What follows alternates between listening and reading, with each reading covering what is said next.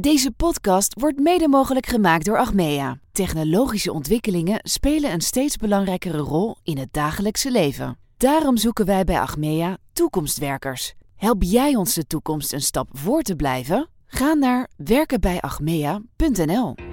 Een hele goede morgen. Het is vandaag maandag 1 april 2019. De dag waarop je mogelijk in de maling wordt genomen. Maar ik kan je één ding verzekeren: alles wat wij vandaag in de podcast bespreken is geen grap en simpel en alleen de waarheid. Mijn naam is Carne van der Brink en dit is de nu.nl Dit wordt het nieuws podcast.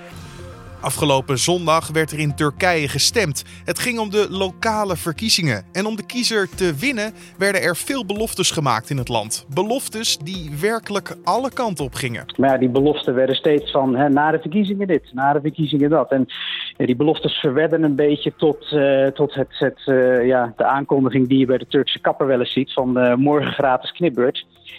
Ja, die, die, die dag komt nooit. En zo leek het een beetje ook met die beloftes van ja, dat was allemaal na de verkiezingen, na de verkiezingen. Maar goed. Nick Augustijn was dat, de Turkije-watcher van nu.nl. We gaan straks verder praten met hem over deze verkiezingen. Maar eerst het belangrijkste nieuws van nu. De Venezolaanse president Nicolás Maduro heeft een rantsoen van 30 dagen voor alle energie aangekondigd. Het Zuid-Amerikaanse land wordt al weken geteisterd door grootschalige stroomstoringen. De maatregel is bedoeld om het gebrekkige stroomnetwerk te ontzien. Maduro kort ook werkdagen in om stroom te besparen. Voorlopig dienen alle Venezolanen om twee uur al te stoppen met werken. Daarnaast worden alle schoollessen tijdelijk gestopt vanwege het stroomtekort. En de president beschuldigt onder meer de Verenigde Staten en zijn politieke tegenstander Juan Guaido ervan het energiesysteem gesaboteerd te hebben. Zondag waren er door het hele land protesten uit woede over de stroomstoringen. Vrijdag viel namelijk de stroom in 20 van de 23 Venezolaanse staten uit. Sindsdien is de stroomvoorziening wisselvallig. Door een brand aan de Odionstraat in Almere zijn zondagnacht 36 woningen ontruimd. Zo heeft een woordvoerster van de brandweer laten weten. De brand vond plaats in een containerwoning die vaak wordt gebruikt door studenten om in te wonen. De brandweer van Flevoland is nog druk bezig met blussen op het moment dat dit opgenomen wordt. Over de oorzaak van de brand was nog niets bekend. Een persoon is lichtgewond naar het ziekenhuis gebracht ter controle. Ongeveer 25 mensen zijn geëvacueerd en opgevangen in het politiebureau. Zij worden later nog naar het gemeentehuis gebracht voor tijdelijke opvang. Het nieuwe keizerlijke tijdperk in Japan gaat heten Reiwa. Dat heeft de regering van het land vandaag bekendgemaakt. Reiwa gaat in wanneer de huidige keizer op 30 april aftreedt en zijn zoon op 1 mei de troon bestijgt. Reiwa heeft meerdere betekenissen, onder meer kalmte. En normaal gesproken wordt de naam van een nieuw tijdperk niet van tevoren bekendgemaakt. De premier van Japan heeft met deze traditie gebroken omdat keizer Akihito besloten heeft af te treden. Het is voor het eerst in meer dan twee eeuwen dat een keizer aftreedt. Het aftreden betekent het einde van de Heisei-tijdperk dat begon in 1989. Op de Johan van Hasseltweg in Amsterdam-Noord is zondagavond een jongen van 17 jaar gewond geraakt bij een steekincident. Dat meldde de politie op Twitter. Een politiewoordvoerder bevestigt aan nu.nl dat het 17-jarige slachtoffer gewond naar het ziekenhuis is afgevoerd. Het is nog niet bekend hoe hij eraan toe is. En verder laat de politie weten dat er nog geen verdachte is aangehouden. En dat momenteel de toedracht van het incident nog wordt onderzocht. Het zou gaan om een vechtpartij nabij bushalte 112, waar zo'n 20 tot 30 personen bij betrokken waren. De politie is op zoek naar getuigen van de vechtpartij. En dan kijken we naar de dag van vandaag, oftewel dit wordt het nieuws. De lokale verkiezingen in Turkije hebben gisteren een flinke nederlaag voor de partij van president Erdogan opgeleverd. Istanbul, de grootste stad van het land, en de hoofdstad Ankara lijken zelfs allebei in handen van de oppositie te komen. Collega Julien Dom belde zondagavond laat met Nick Augustijn, Turkije-watcher van nu.nl. Het zijn dus lokale verkiezingen, maar desondanks moeten we dat niet onderschatten. Ze zijn namelijk erg belangrijk. Uh, nou ja, zo, belangrijk omdat het uh, uh, ja, wat, wat zegt over een beetje de, de, de toon van het land en, en de koers wellicht die het land gaat varen. En de eerste uitslag, ja, de eerste uitslagen die uh, ja, lijken toch een beetje een, een, een slag in het gezicht van, uh, van president Erdogan. In de eerste plaats omdat hij uh, de hoofdstad Ankara verliest, of dat zijn partij daar na 25 jaar zelfs de macht verliest. En daar, daar gaat een, ja, belangrijke symboolwerking vanuit. En dat het op het moment van, van opname ja, nek aan nek is in, in Istanbul. En dat is eigenlijk ja, heel erg onverwacht, omdat daar de oud-premier notabene, Binali Yildirim, het opneemt tegen eigenlijk een, een, een voor ons volstrekt onbekende burgemeester van een deelgemeente. En, en die ja, ligt eigenlijk op het moment zelfs aan kop. En, en ja, dat zeker gezien het, uh, het medialandschap daar, wat uh, ja, voor 95% helemaal op de hand is van, van, van Erdogan zo ongeveer, is, is dat alleen al een prestatie op zich hoe dit zich gaat ontvouwen, daar valt helaas nog weinig over te zeggen. Bij Istanbul op het moment dat we dit opnemen, zondagavond laat, laat, laat. Uh, 98% bijna 99% van de stemmen geteld. En volgens mij, nou, het, het scheelt echt een tiende van een procent of zo, pak een beet. Uh. Ja, het gaat echt om een, om een handjevol stemmen. Op, op 15 miljoen, op een totaal van 16 miljoen gaat het geloof ik over, nou ja, zeg 3000 stemmen. Uh, en ik geloof dat uh, ja, de laatste berichten uh, op basis van de, de, de, informatie die de AKP zelf heeft binnengekregen van het hoogste kiesorgaan, dat zijn van die datafeeds, gaat zelfs de oppositiekandidaat aan kop. Ehm, maar goed, de, de burgemeesterkandidaat Binali Yildirim, die oud-premier, die heeft ehm, zichzelf al uitgeroepen als winnaar, maar dat heeft de andere kandidaat ook gedaan. Het is alleen dat alle aandacht naar Yildirim gaat. En de, de, ja, de, de proclamatie van winst van de andere man, de Ikrem Imamoglu, ja. mooi naam, uh, ja, die blijft eigenlijk een beetje onderbelicht. Dus uh, ja, hoe dit zich uh, gaat ontvouwen, ja, daar, daar durf ik mijn hand niet voor in het vuur te steken. Weten we waardoor dat komt, dat het onderbelicht blijft? Nou ja, wat ik al aangaf, hè, geen van de kanalen die, die zendt überhaupt mededelingen van de oppositie uit. Ja, de, heeft en gewoon zeker, daarmee te maken, met de media-offensief. Ja, ja, Oké. Um, ja, dan even Erdogan. Die heeft in een interview gezegd dat deze verkiezingen een kwestie van overleven, overleven waren voor Turkije. Ja, hij heeft er echt een soort. Een, ja, het, het, het was een, eh, een existentiële strijd die het land voerde. Hè? Eh, tegen, tegen de ja, kwaadwillenden in het binnenland, tegen duistere machten uit het buitenland. Uh, we hebben allemaal partijen en, en, en krachten die wilden voorkomen dat. Uh, dat Turkije ja, ze opstoomt in de vaart der volkeren, als het ware. Best een enorme uitspraak. Jazeker, en uh, de, zelfs de uienboer die werd op een gegeven moment tot uh, terrorist verklaard. Um, ja, dit, dit gaat, dit bespeelt de, de achterban. Hè? Hij, hij weet dat hij gewoon, dat zijn achterban nog altijd groot genoeg is om, um, zolang hij maar kan zorgen dat de rangen gesloten blijven, dat er toch wel een hele gereden kans op goede resultaten is.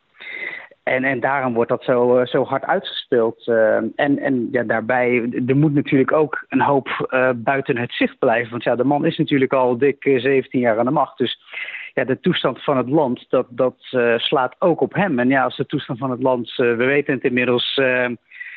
13% werkloosheid, onofficieel misschien zelfs wel 20%, geen economische groei of nauwelijks economische groei, inflatie van 120%. Ja, dan wordt er toch naar hem gekeken.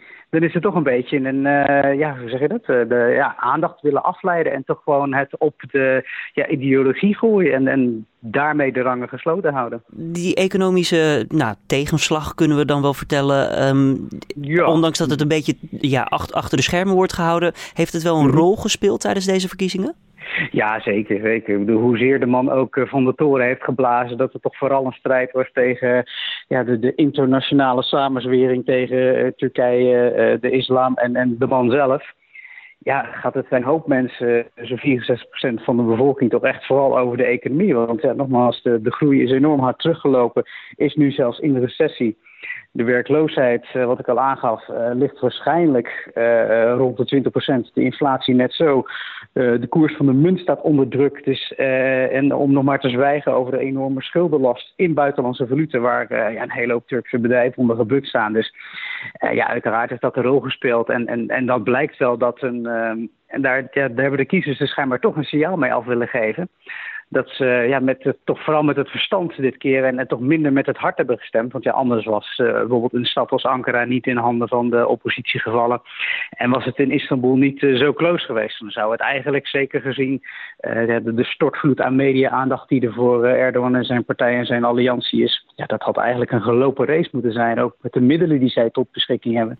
Betekent dat ook dat er iets gaat veranderen nu bijvoorbeeld Ankara inderdaad dan ja, bij de oppositie is terechtgekomen? Nou ja, ik denk dat soort dingetjes, dat, dat zijn leuke, uh, ja, uh, hoe noem je dat? Ja, zoethoudertjes als het ware. Uh, want ja, wat gaat er nu concreet veranderen? Ehm, ja, in de aanloop, nou, laat ik even teruggaan. Er zijn maanden geleden al, toen de koersval inzette, toen rond augustus, zijn er verregaande hervormingen aangekondigd. Maar ja, dat, dat zijn natuurlijk pijnlijke hervormingen. En ja, met verkiezingen in het aantocht uh, wilden ze daar toch de vingers niet aan branden. Want ja, er zullen gewoon uh, harde maatregelen genomen moeten worden. Dus in de afgelopen maanden is er, is er zoveel uh, onder het tapijt geschoven. En tegelijkertijd zijn er zoveel beloftes gemaakt. Van, ja, het kon allemaal niet op wat er de, de burger werd aangeboden. Ja. Maar die beloften werden steeds van hè, na de verkiezingen dit, na de verkiezingen dat. En ja, die beloftes verwedden een beetje tot, uh, tot het, het uh, ja, de aankondiging die je bij de Turkse kapper wel eens ziet van uh, morgen gratis knipbeurt. Ja, die, die, die dag komt nooit. En zo leek het een beetje ook met die beloftes van... Um, ja, dat was allemaal na de verkiezingen, na de verkiezingen. Maar goed, ja, wat er gaat er dan veranderen? Ja, nu zal het dus echt, echt serieus werk van hervormingen gemaakt moeten worden... En wat ik al aangaf, heel, heel pijnlijke hervormingen. Want uh, ja, ze hebben eigenlijk een half jaar uh, weggegooid om de economie, om de verkiezingen maar zonder kleerscheuren door te komen. Dus uh, ja, wat er gaat er veranderen, het is vooral leuk voor een hoop mensen die zich ja, die onder het juk van de man leefden, of, zo er, of dat zo ervoeren. Maar de echte harde veranderingen die gaan dus nu wel komen gewoon. Het moet gewoon gebeuren. Eh, ja, het moet. het, uh, het geld is er niet en, en er is hard uh, er zijn investeringen nodig en dat moet ergens vandaan komen. Dus moet ook niet vreemd opstaan te kijken dat misschien Erdogan nog één keer gaat vlammen met zijn beroemde balkonspeech, maar daarna toch vooral ja, bruggen wil bouwen naar, naar de EU, vooral naar de Verenigde Staten. Want uh, ja, ik, ik, durf de stengel aan dat de komende, dat de komende half jaar uh, een van de moeilijkste uh, zes maanden in de recente geschiedenis gaat worden. Betekent dat ook dat hij moet samenwerken met de oppositie?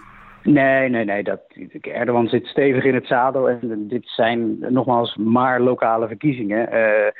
maar er gaat natuurlijk wel een signaal van af.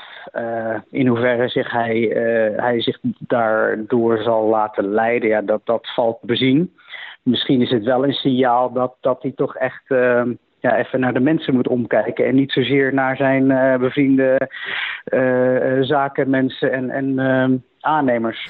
Is er dan, um, ja, nou, Ankara is verloren, um, Istanbul too close to call, zondagavond nogmaals dat we dit opnemen. maar is er dan sprake van een grote verliezer na deze verkiezingsdag? Nou ja, groot.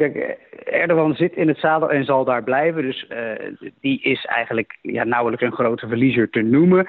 Maar er gaat wel een groot psychologisch effect van deze avond uit. In dat, nogmaals, Ankara is voor het eerst in 25 jaar uh, om. En, en Istanbul op basis van officiële cijfers ook. En die uh, ja, zullen hem, hem angst inboezemen in die zin. Of ze dit ook zover laten komen dat, dat, die, dat ze Istanbul aan de oppositie laten, dat durf ik je niet te zeggen. Daar Wat bedoel je daarmee? Uh, zou, zou, daar een hertelling plaats kunnen vinden en dat de stemmen worden weggegooid? Of? Nou ja, misschien uh, ook wel helemaal niks. Uh, dat ze het gewoon bij de aankondiging van de premier laten van jongens, we hebben gewonnen, zie hier een voldongen feit. Dus gewoon een beetje hashtag fake news. nou ja, gewoon de, de, de winst claimen en, en daarmee kapen. Uh, dat, dat zou ook nog kunnen, want ja, er gaat natuurlijk een enorm belang uh, van, van die stad uit. Zo een derde van de bevolking zo ongeveer. Uh, en, en de grote economische motor. Um, dus ja, in die zin, en, en nogmaals dat het al zo close is, ja, dat is natuurlijk ja, ongekend. Maar ja, uiteindelijk zal er de komende maanden niemand een winnaar zijn in Turkije. Omdat ja, er moet zoveel gebeuren. En daar zullen helaas uh, zoveel mensen onder moeten lijden dat ja. Uh, strept, uh, doe de riemen maar vast. want ja, we hebben het wel over een van de twintig grootste economieën ter wereld. Ja, en als die toch echt opgeschud moet worden ja, dan, dan zullen andere landen wellicht daar ook wat gaan merken. Nick Augustijn hoorde je, Turkije-watcher van nu.nl. Meer weten hierover? Dat kan natuurlijk in de app. Daar vind je de meest actuele uitslagen. En we onderbreken de podcast even kort voor een bijdrage van onze sponsor Achmea. Achmea speelt als financiële dienstverlener in op de digitalisering en snelle technologische ontwikkelingen. De aankomende maandagen leggen zij uit hoe zij hiermee omgaan. Als grootste verzekeraar van Nederland heeft Achmea impact op ruim 10 miljoen Nederlanders. We zijn continu bezig om onze verzekeringen nog beter te maken voor al onze klanten. Daarom zijn we constant bezig met innovaties op de meest uiteenlopende gebieden, zo ook mobiliteit. Hoe vervoeren wij ons in de toekomst en komt er een snelweg in de lucht? Tom Springveld ging in gesprek met Jeroen Bartelsen, innovatiemanager bij Achmea. Wat draagt wat jij en je collega's doen bij aan de toekomst van mobiliteit?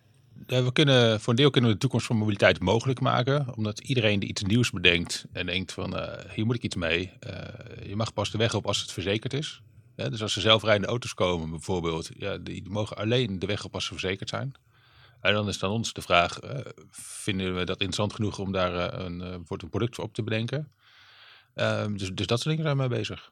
Als we kijken naar het tijdsbestek van vijf tot tien jaar, hoe ziet de infrastructuur er dan uit qua mobiliteit? Ehm, bijvoorbeeld Uber, die zegt in 2023, dan beginnen wij met onze uh, luchttaxidienst.